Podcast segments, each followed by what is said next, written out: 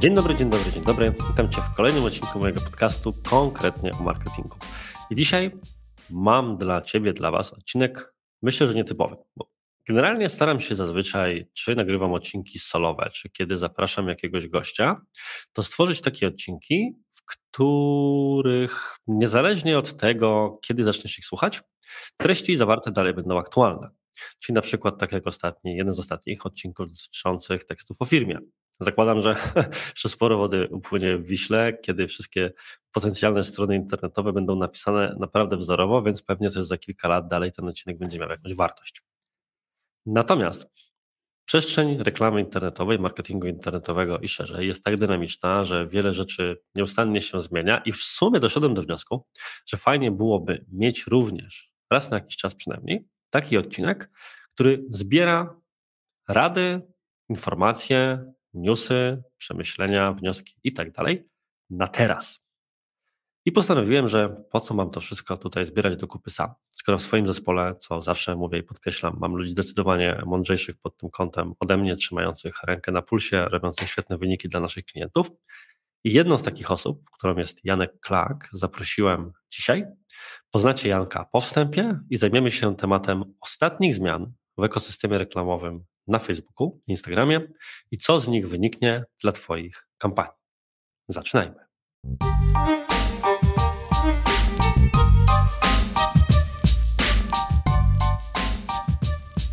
Cześć Janek. Cześć Artur, cześć y, słuchacze. Miliony słuchaczy, wiesz, ten marketingowy głos w Twoim domu, jak ja zwykłem powiedzieć. Słuchaj, zanim przejdziemy do e, tematu samego odcinka, to powiedz dwa, trzy bądź więcej słów na swój temat tym, którzy jeszcze Ciebie nie znają, bo to jest Twój debiut w podcaście, więc jeszcze nie wiedzą wszyscy, z jakim tutaj gwiazdorem mają do czynienia. Pokrótce, myślę, y, żeby nie przedłużać, bo i tak samych materiałów tutaj mamy trochę do przemówienia.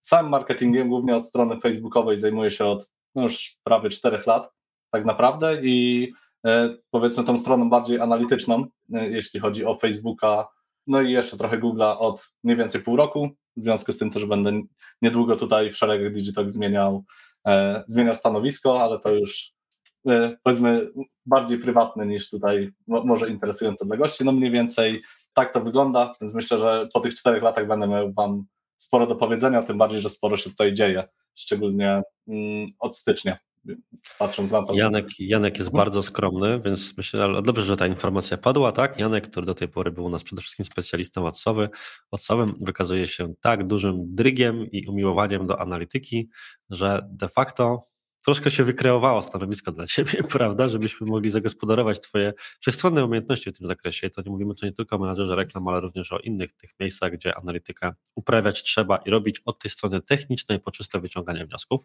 Więc to trzeba powiedzieć, to trzeba powiedzieć. Bardzo się cieszę, że zgodziłeś się, właśnie przyjąłeś to zaproszenie do, do podcastu. I właśnie te wieloletnie doświadczenie przyda się pod tym kątem, że ja często mówię na szkoleniach, że jestem taki stary, że pamiętam jeszcze, jak były trzy wersje menadżera reklam jednocześnie. Nie wiem, czy ty również to pamiętasz, czy to jeszcze za twojej adsowej kadencji, bo pierwsze szkolenia, jak prowadziłem, to było na przykład tak, że trzeba było różnym częściom sali mówić, że państwo klikną tą ikonkę, która się nazywa ruch, Państwo klikną tę, która się nazywa skieruj ludzi do miejsca docelowego na Facebooku lub poza nim, a Państwo klikną skieruj do witryny. I dzielę się tą anegdotką nieprzypadkowo, ponieważ obecnie stoimy również przed kolejną, kolejną zmianą wyglądu panelu reklamowego na Facebooka i taką zmianą nie tylko kosmetyczną, w sensie, że design przycisków wygląda inaczej, ale zmianą również w zakresie samej hmm, sposobu organizacji kampanii w pewien sposób. I za chwilę powiesz nam pewnie, jak daleko idące są te zmiany. Mowa o nowym podziale celów reklamowych, które część osób ma już na koncie. Czy mógłbyś wprowadzić wszystkich słuchaczy, o czym w ogóle mowa, bo z tego, co się orientuje, większość ludzi nie ma tego jeszcze nawet u siebie dostępnego.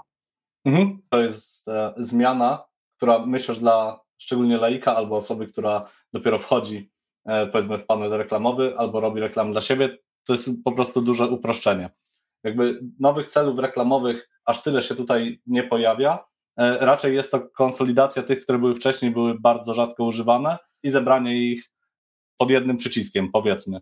Więc kiedyś celów mieliśmy dokładnie 12, teraz jest to 6. Więc tak naprawdę wszystko mamy zebrane w jeden baton. Tam, gdzie mieliśmy wcześniej rozpoznawalność marki albo zasięg, teraz mamy tylko rozpoznawalność marki, aktywność nam zostaje i ruch bez zmian.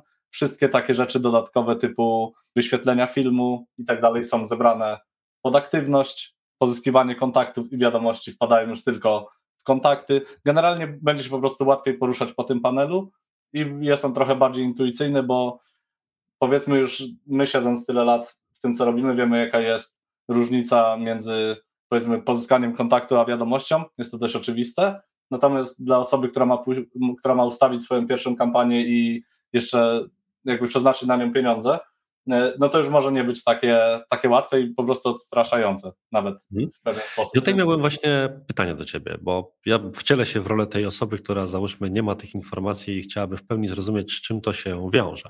No bo tak jak sam powiedziałeś, do tej pory celów było kilkanaście, a to co wiemy, a jeżeli nie wiemy, to warto to słuchaczom powiedzieć, to cała taka obietnica działalności ekosystemu reklamowego sprowadza się do tego, że jeżeli wybierzesz jakiś konkretny cel reklamowy, to system szuka tych użytkowników, którzy, mówiąc tak po facebookowemu, z najwyższym prawdopodobieństwem ten cel zrealizują.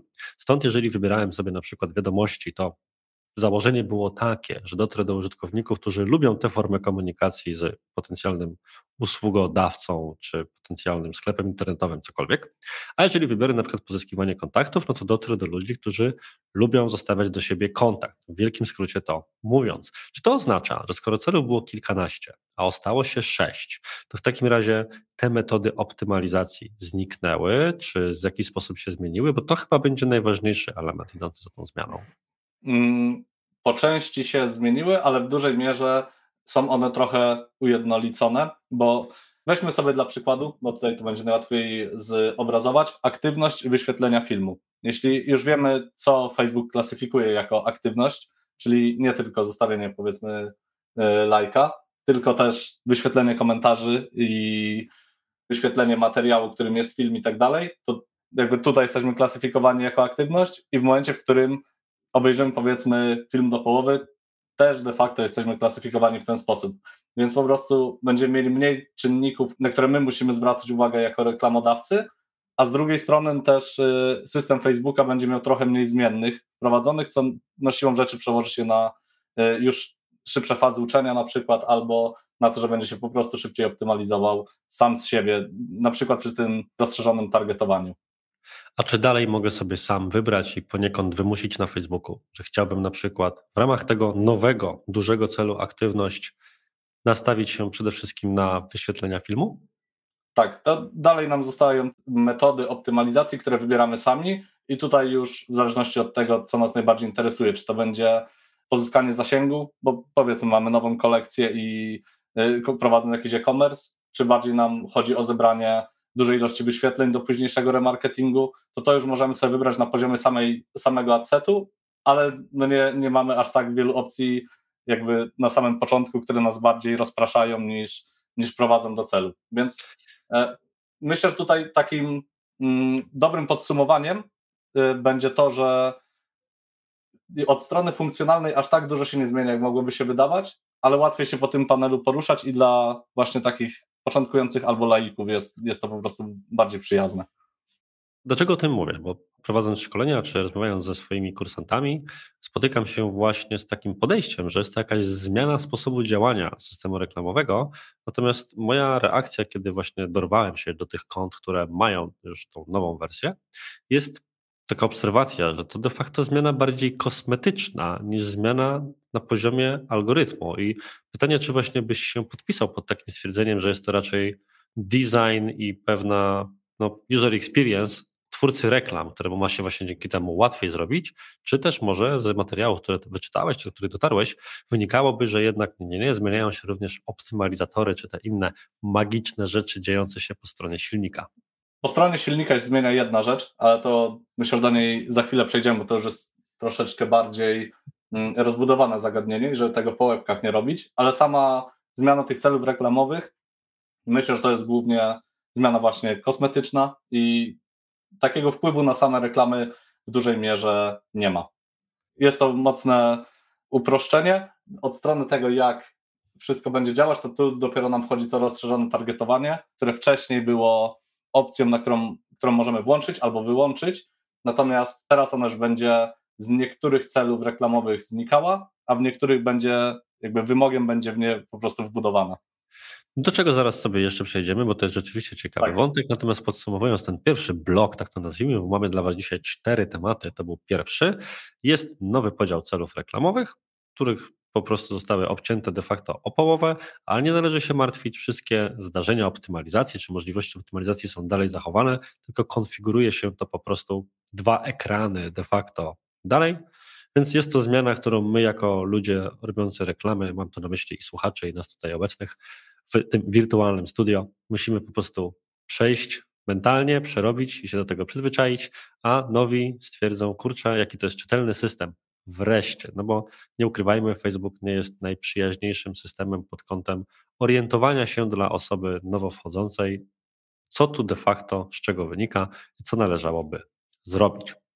Natomiast wiem, że wspomniałeś o tym wątku rozszerzonego targetowania, natomiast e, zanim do niego, to chciałbym tak byśmy trzymali się jeszcze troszkę jak przy samym etapie tak. konfigurowania kampanii, czyli tych rzeczy bardziej ogólnych, zanim wejdziemy w takie mocno szczegółowe. I kiedy przygotowywaliśmy się do tego podcastu, wspomniałeś, że warto byłoby poruszyć inną, z mojej perspektywy również fundamentalną zmianę, czyli, jeżeli dobrze to rozumiem, wymóg, aby jedno konto reklamowe mogło reklamować, tudzież było powiązane wyłącznie z jednym fanpage'em. Czy możesz powiedzieć de facto, o co właśnie w tej zmianie chodzi i jakie jest jej znaczenie dla osób zajmujących się reklamami. Mhm. Generalnie ta zmiana jeszcze nie weszła tak szeroko, powiedzmy, nie, nie weszła jeszcze do każdego klienta, natomiast już od dawna się o niej mówi i pojawiają się pierwsze przypadki, w których jest to wymagane. Tutaj dobrym przykładem będzie jeden z naszych klientów, który działa w branży eventowej, gdzie generalnie oni jako agencja, która te eventy organizuje, puszczają reklamy ze swojego fanpage'a, no ale też współpracują z różnymi artystami, którzy tam występują i z tego samego konta reklamowego tak naprawdę bardzo podobne reklamy, ale z innego fanpage'a też uruchamiają. I tutaj nam już się pojawiły pierwsze ostrzeżenia, że co prawda póki co jeszcze nie, ma, nie będzie z tego powodu nałożonej żadnej blokady, ale w planach jest y, wprowadzenie właśnie takiego ograniczenia, żeby produkty były bardziej spójne z samym kontem reklamowym i żeby jedno konto reklamowe i ewentualne później z tym związane blokady, rozliczenia i tak dalej były przypisane do jednego fanpage'a.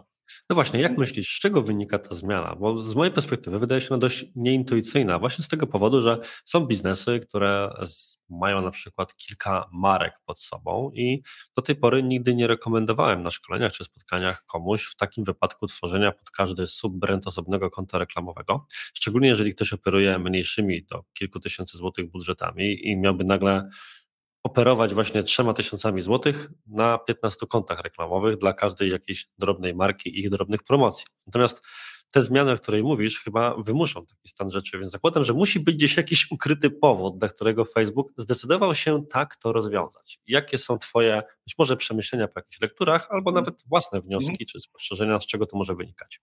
E, to tak, spostrzeżenie e, główne moje jest takie, ono się już trochę zaczęło przy temacie iOS-a, gdzie generalnie Facebook zmierza do tego, żeby jak najmniej danych musieć posiadać powiedzmy po swojej stronie w tym, w tym stopniu, że na początku mieliśmy to skrócenie okna konwersji do 7 dni, czyli taki pułap, gdzie jeszcze utrzymamy reklamodawców, ale już mamy cztery razy mniej danych do, do przetwarzania po stronie, po, po prostu po stronie swojego systemu.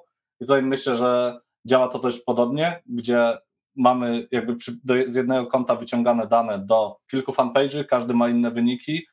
Sumowanie tych danych nie jest już takie oczywiste, a co za tym idzie przypisywanie przez system reklamowy Facebooka jakby danych wyników do danego, e, do danego fanpage'a, więc robi się z tego taki chaos, gdzie tak naprawdę nawet z naszej perspektywy to będzie trochę wygodniejsze i z perspektywy Facebooka też łatwiej jest takim czymś zarządzać, bo powiedzmy, że jeden fanpage e, dostaje bana z jakiegokolwiek powodu, to tak naprawdę bardzo często też wtedy blokowane jest konto reklamowe, które, z którego leciały reklamy tego fanpage'u.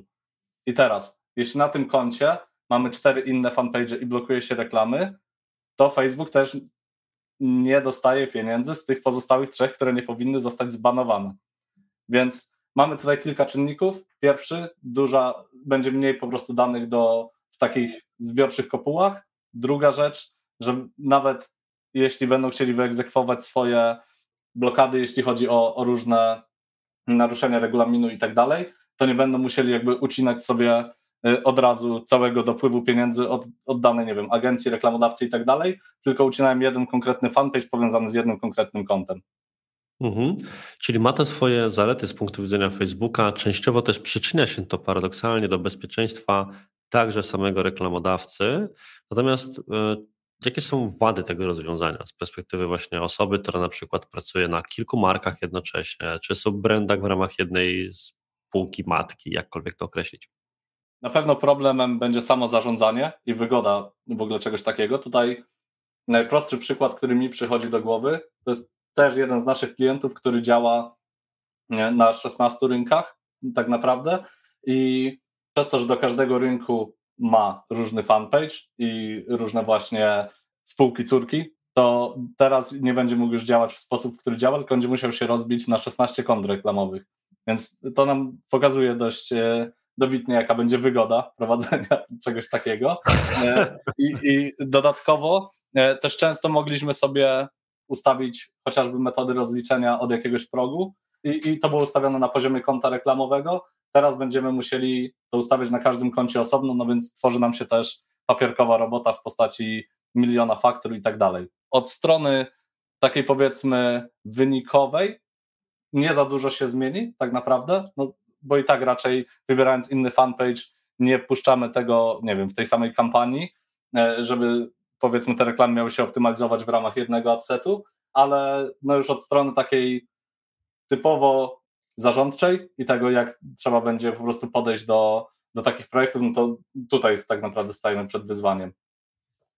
Tak, czyli przede wszystkim znów zmiana nie tyle w zakresie optymalizacji czy potencjalnego zaburzenia wyników, ale kolejna zmiana na poziomie zarządczym, czyli mieliśmy pierwszy wątek, nowe uproszczone cele reklamowe, co uważam, że jest najczęściej powtarzane obecnie w branży, ale jest właśnie otwarte na interpretację, ponieważ to nie są nowe cele reklamowe, tylko inny sposób prezentowania starych celów reklamowych, a po drugie dużo ciekawsza z mojej perspektywy zmiana, bo ona rzeczywiście wymusza inny sposób działania w obrębie całego menadżera firmy bądź firmy jako takiej, czyli prikaz od Facebooka, jedno konto reklamowe, jeden fanpage. A z ciekawości to oznacza również, że do jednego konta reklamowego będzie mogło być wybrane tylko jedno konto na Instagramie, prawda?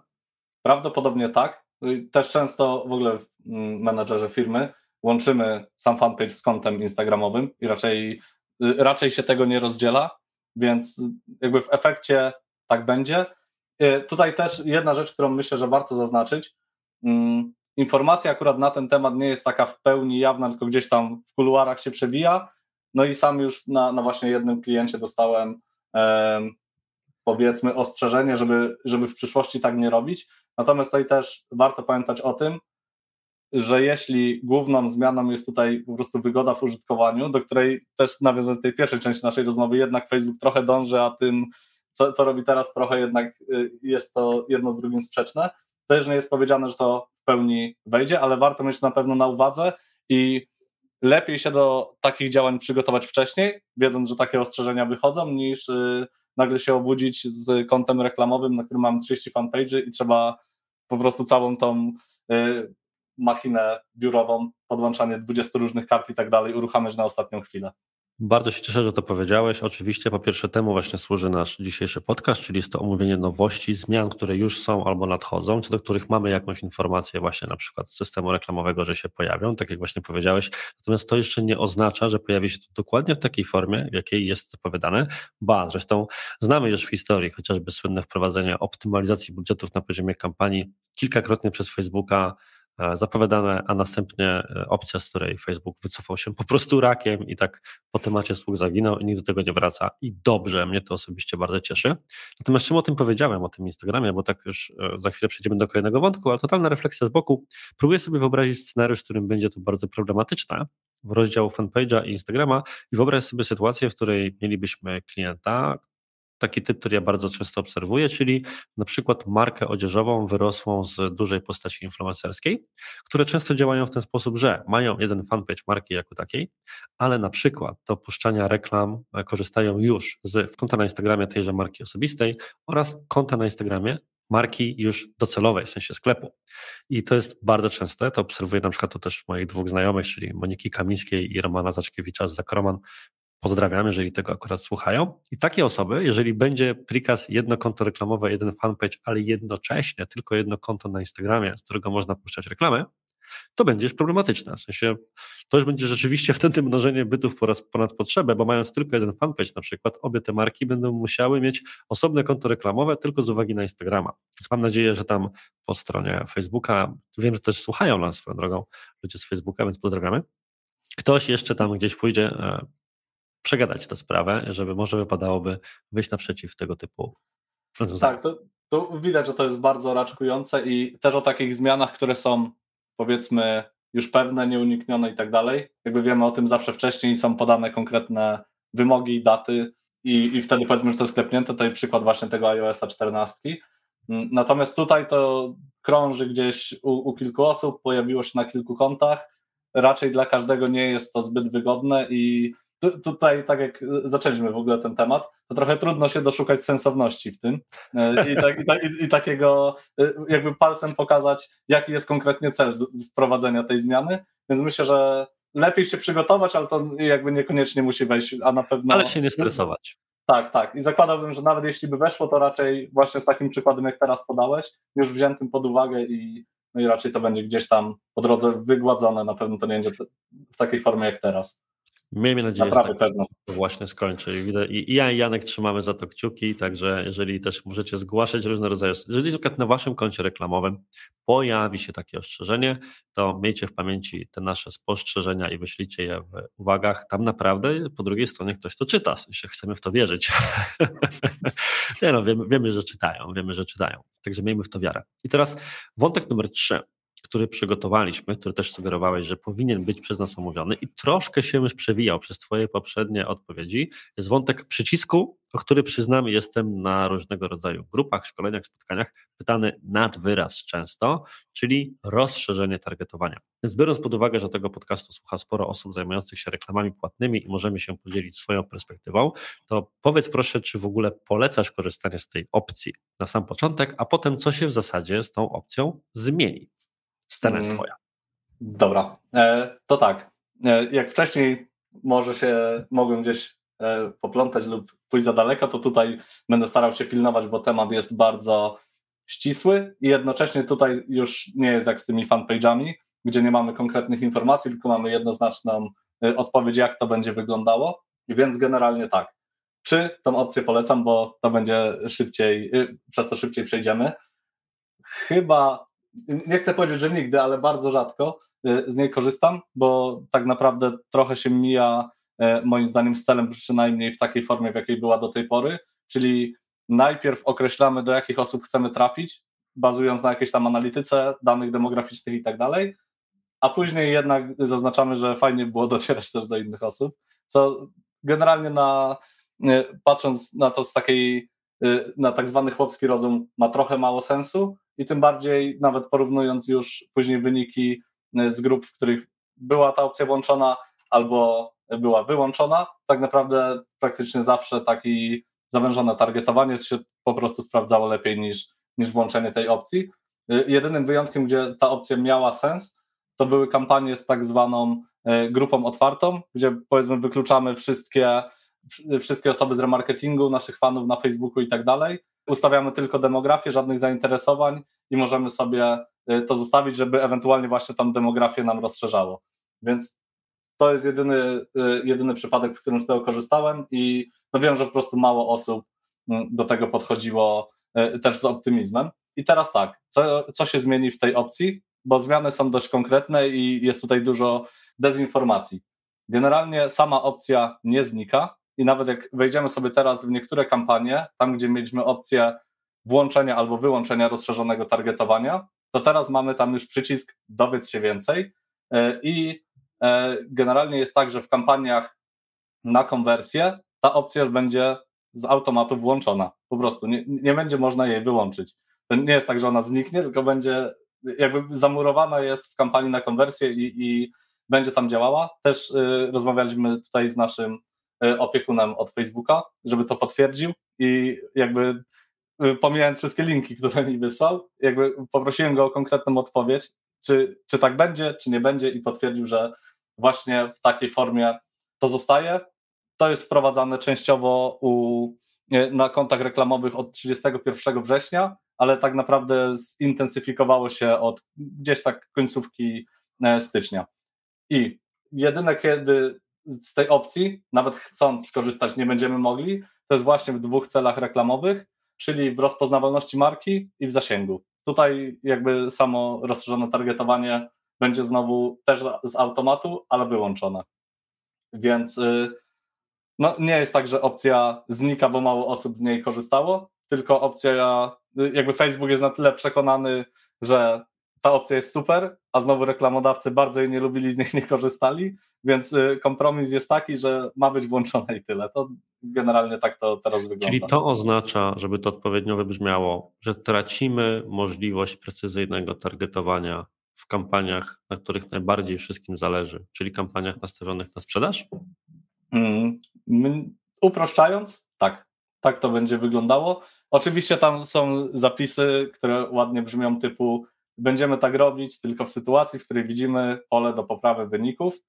Tylko jakby problem jest taki, to trochę nawiązując do, do początku tego tematu, gdzie wcześniej mogliśmy przetestować, czy nam lepiej sprzedają kampanię z tą opcją, czy bez tej opcji. I raczej większość marketerów decydowała się na, je, na jej wyłączenie. Natomiast teraz już nawet nie możemy tego porównać, co by było gdyby, bo, bo jakby nie mamy na to wpływu. Więc y, trochę to jest taka, taka rzecz, której nie przeskoczymy i warto mieć po prostu to na uwadze, e, szczególnie temat lidowych i to myślę, że tutaj jest najważniejsze i, i trochę najbardziej mnie też martwi, bo m, powiedzmy takie tematy już trochę przeszłe, ale dalej jeszcze gdzie nie gdzie żywe, czyli fotowoltaika. Bardzo istotne było dla nas, powiedzmy, e, skupienie się na danym obszarze, no bo tutaj klient, e, jakby zbierający te lidy, może najszybciej obsłużyć, w ten sam dzień na przykład podjechać, porozmawiać i tak dalej, a wiadomo jak ważna jest szybka obróbka lida. E, natomiast tutaj mając już trochę rozszerzone targetowanie, którego nie da się wyłączyć, to mogą być osoby na przykład trochę spoza tego obszaru. Albo to mogą być osoby młodsze, które pytają, nie wiem, w imieniu babci i jakość takiego lida spada. Więc yy, to się głównie odbije i możliwość wyłączania tej opcji głównie się odbije na tematach lidowych, szczególnie takich targetowanych bardzo lokalnie, w sprzedażówce myślę i w takich e-commerce'ach myślę, że to nie będzie aż tak odczuwalne, chociaż dalej lepiej było mieć jednak pełną kontrolę nad czymś, na co się wydaje pieniądze, no ale taką mamy rzeczywistość w tym momencie. Miejmy nadzieję, że ta zmiana, przynajmniej ja mam osobiście taką nadzieję, że ta zmiana spotka się z takim negatywnym odbiorem, mówiąc delikatnie, że również z czasem, podobnie jak to było z CBO i innymi już wprowadzonymi rzeczami na siłę, zostanie to wycofane, bo być może nie wszyscy o tym wiedzą, ale właśnie ta optymalizacja budżetu na, na poziomie kampanii, którą Facebook straszył długi czas jako opcją domyślną, faktycznie na niektórych kontach była w taki sposób włączona, że nie dało się już jej wyłączyć. Czyli jak zawsze testy na jakiejś wybranej grupie kont i miałem okazję takie konta również od środka widzieć, więc mam nadzieję, że tutaj również okaże się, że jednak wrócimy do sytuacji takiej jak obecna. I to była zmiana numer trzy. Natomiast został nam jeszcze czwarty, ostatni wątek, myślę, że najbardziej skomplikowany, bo też mocno ztechnicyzowany, a jednocześnie taki, który również jest chyba obecnie jednym z bardziej popularnych haseł wpisywanych w kontekście reklamy na Facebooku, w Google. I mowa tutaj o API konwersji. Czy mógłbyś przybliżyć Janku, czym w ogóle API konwersji jest i czemu jest tak ważne, żeby je odpowiednio wdrożyć i może też po części po, o tym, jak je wdrożyć, w sensie mhm. E, jasne. Tutaj postaram się, też właśnie wiem, że dużo osób tego nie wdraża przez to, że jest to rozwiązanie mocno techniczne, więc się postaram, żeby e, przynajmniej wypowiedź taka nie była, żeby też nie odstraszała. Generalnie jest tak. API konwersji jest po prostu alternatywną metodą mierzenia zdarzeń na naszej witrynie. I do tej pory większość osób e, korzystała jedynie z Pixela, który odbierał zdarzenia z przeglądarki. Czyli osoby, które mają na przykład włączonego adblocka, e, jeśli na stronie nie wyraziły zgody na cookiesy i tak dalej, e, od nich zdarzeń często nie odbieraliśmy, bo zbieraliśmy jedynie to, co oni robią po stronie swojej przeglądarki.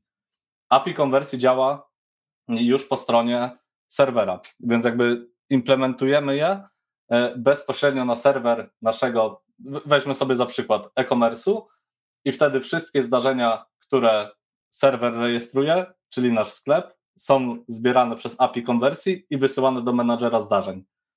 To y, tak y, w dużym skrócie. Dlaczego jest to dobre rozwiązanie?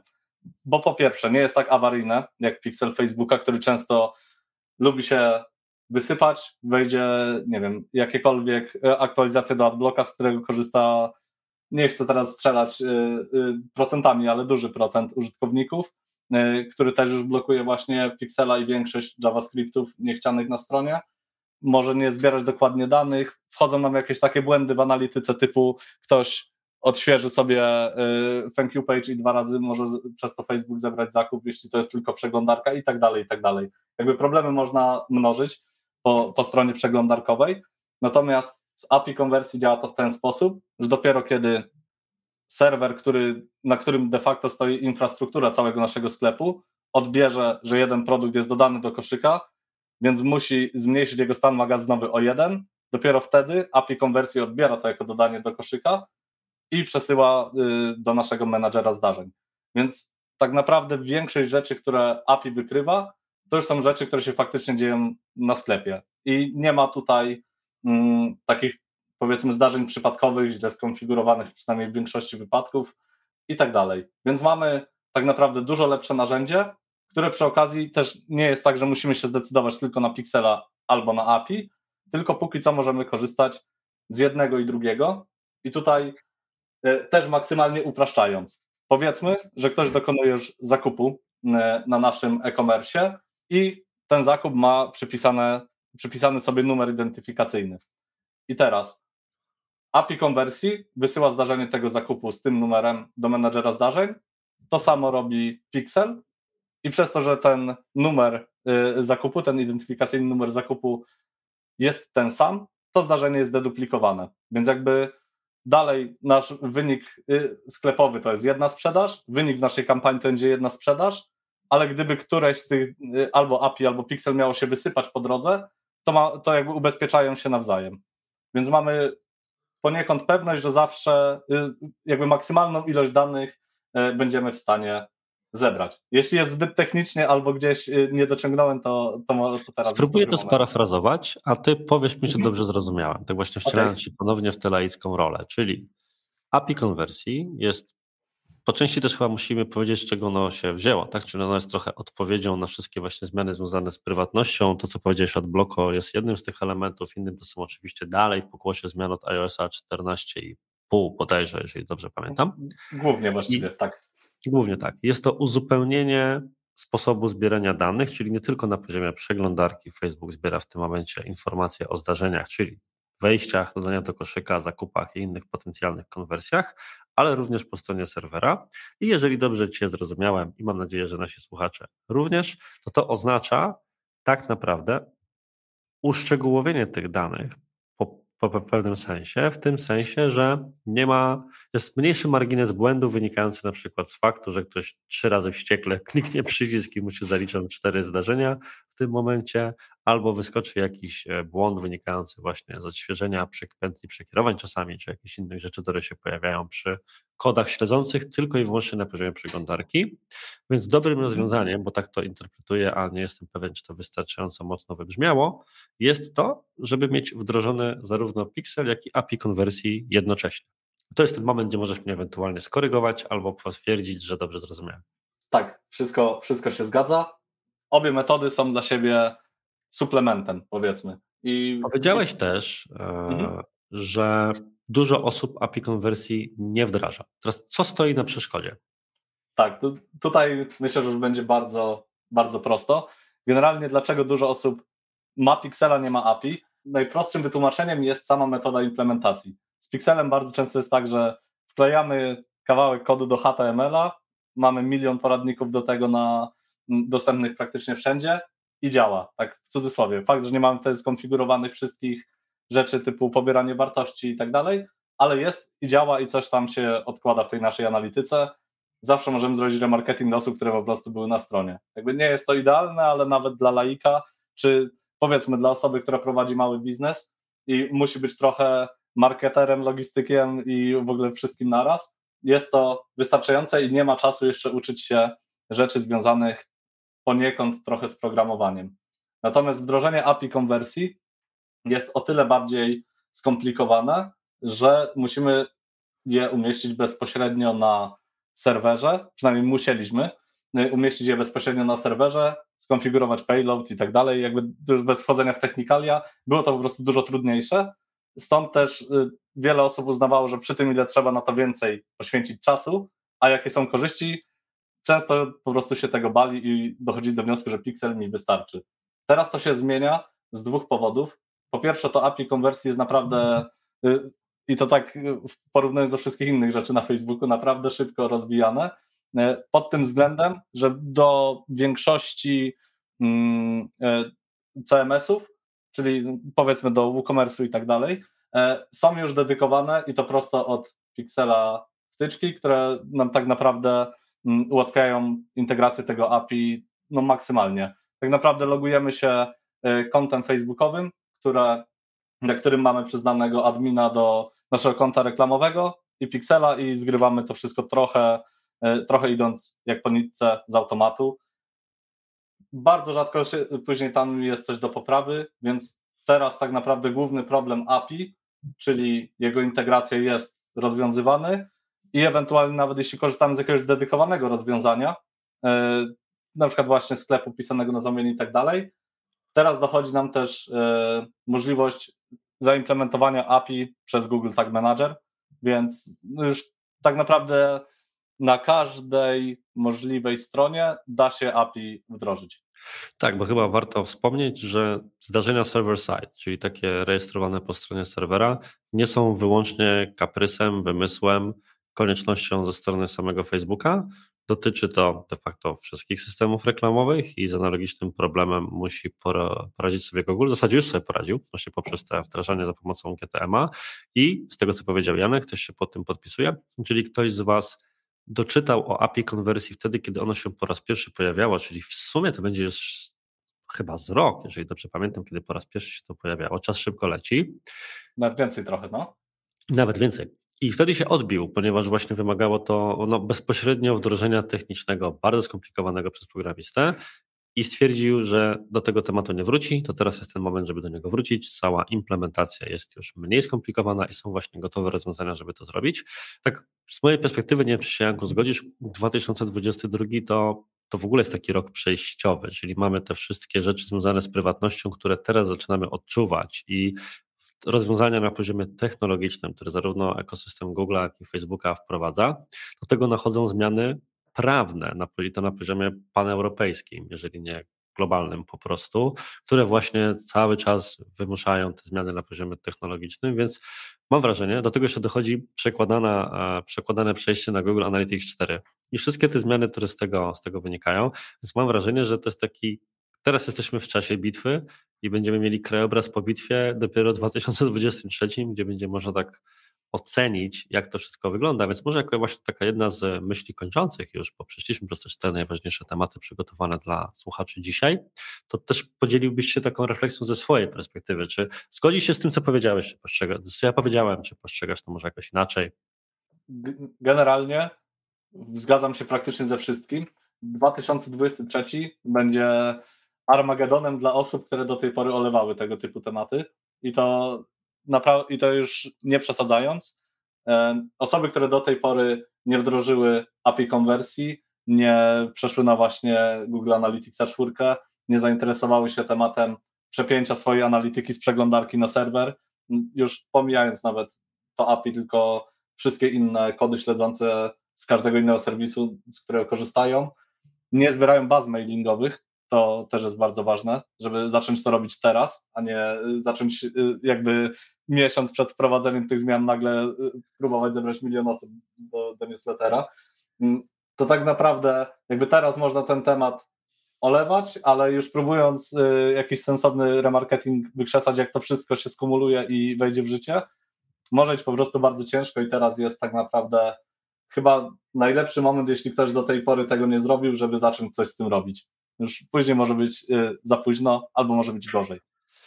Ale powiem Ci ze swojej perspektywy, że e, oczywiście zgadzam się z tym, co powiedziałeś, może nie powiedziałbym tego aż tak ostro pod tym kątem, że no, to jest jeszcze ten moment, w którym faktycznie można zacząć to robić, czyli na przykład nie każdy musi już, nie musiał jeszcze przejść na Google Analytics 4, ale wdrożenie go sobie obok, niech sobie zbiera dane i jeszcze korzystanie cały czas, tak jak to często też rekomendujemy, czy robimy u klientów ze starej instancji, jest rozwiązaniem tymczasowym, no bo niedługo nie będzie dostępne, natomiast jeszcze jak najbardziej ok, żeby powoli zacząć się przyzwyczajać do tych nowych instancji analitycznych. Natomiast jakbym miał taką ogólną refleksją się podzielić, to ja jestem de facto zadowolony z tych zmian. Pod tym kątem, że doszliśmy w marketingu internetowym do takiej pewnej ściany, gdzie każdy chciałby skupiać się na efektach każdego pojedynczego kliknięcia, zamiast patrzeć na marketing holistyczny i wielokanałowo, zaczęliśmy często rozmawiać czy to między sobą, czy z klientami na temat tego, że o, ten kanał ma tutaj pół procenta mniej CTR-u czy konwersji, co moglibyśmy z tym faktem zrobić. I taka moja odpowiedź czasami, no nic nie należy z tym robić, dla niektórych była niesatysfakcjonująca i zaczynała się rozmowa na przykład o atrybucji czy o marketingu szerszym, który, to zawsze będę powtarzał, jest czymś bardziej skomplikowanym niż wczoraj kliknął, dzisiaj kupił, bo go złapał remarketing w tym samym kanale. Więc trochę jest chyba tak, że teraz zostaliśmy postanowieni, wszyscy jako marketerzy, przed faktem dokonanym, czyli hej, nie będzie można już grzebać aż tak głęboko z powodu tych wszystkich zmian, o których Janek dzisiaj mówił. I ja również tam do swoje trzy grosze dołożyłem, co sprawi, że będziemy musieli na tym wyższym strategicznym poziomie mówić. Dlatego tak mnie cieszyło to, co powiedziałeś o tych bazach mailowych, czy właśnie innych działaniach, no bo to faktycznie to wymusi na wielu podejście strategiczne, a przynajmniej e, pracę na takim prawdziwym lejku marketingowym, a nie tylko analizowaniu kliknięć i sprzedaży per kanał. Tak, trzeba będzie robić więcej niż odzyskiwać koszyki, to na pewno. I to myślę, że będzie bardzo dobrą, bardzo dobrą myślą kończącą, podsumowującą nasze cztery omówione zmiany. Więc bardzo dziękuję Jan, Janku Tobie za to, że zgodziłeś się w tym odcinku wystąpić, podzieliłeś się tymi wszystkimi informacjami. Drogi słuchaczu bądź słuchaczko, jeżeli spodobało Ci się to, co zrobiliśmy, czy ten nowy format odcinka, który omawia, troszkę też spekuluje, można sobie zawsze porozmawiać, co by było gdyby. Będzie tak śmiesznie, Janek, jak wrócimy za parę miesięcy się okaże, że Facebook wszystko pozmieniał i tak sobie pogadaliśmy po próżnicy, choć pewnie tak nie będzie. Natomiast na pewno nie jedna rzecz nas jeszcze, nas jeszcze zaskoczy. Więc jeżeli słuchacze chcieliby więcej tego typu odcinków, to dajcie proszę znać w komentarzach, gdziekolwiek na Facebooku, na Instagramie, gdzie tam można media wokół podcastu czy Digitoka skupione znaleźć. Moim gościem był Janek Klak, obecnie jeszcze specjalista od adsów, a niedługo już jeden z analityków u nas dedykowanych w firmie. A to był podcast konkretnie o marketingu. Do usłyszenia w przyszłym tygodniu i cześć. Dzięki, cześć.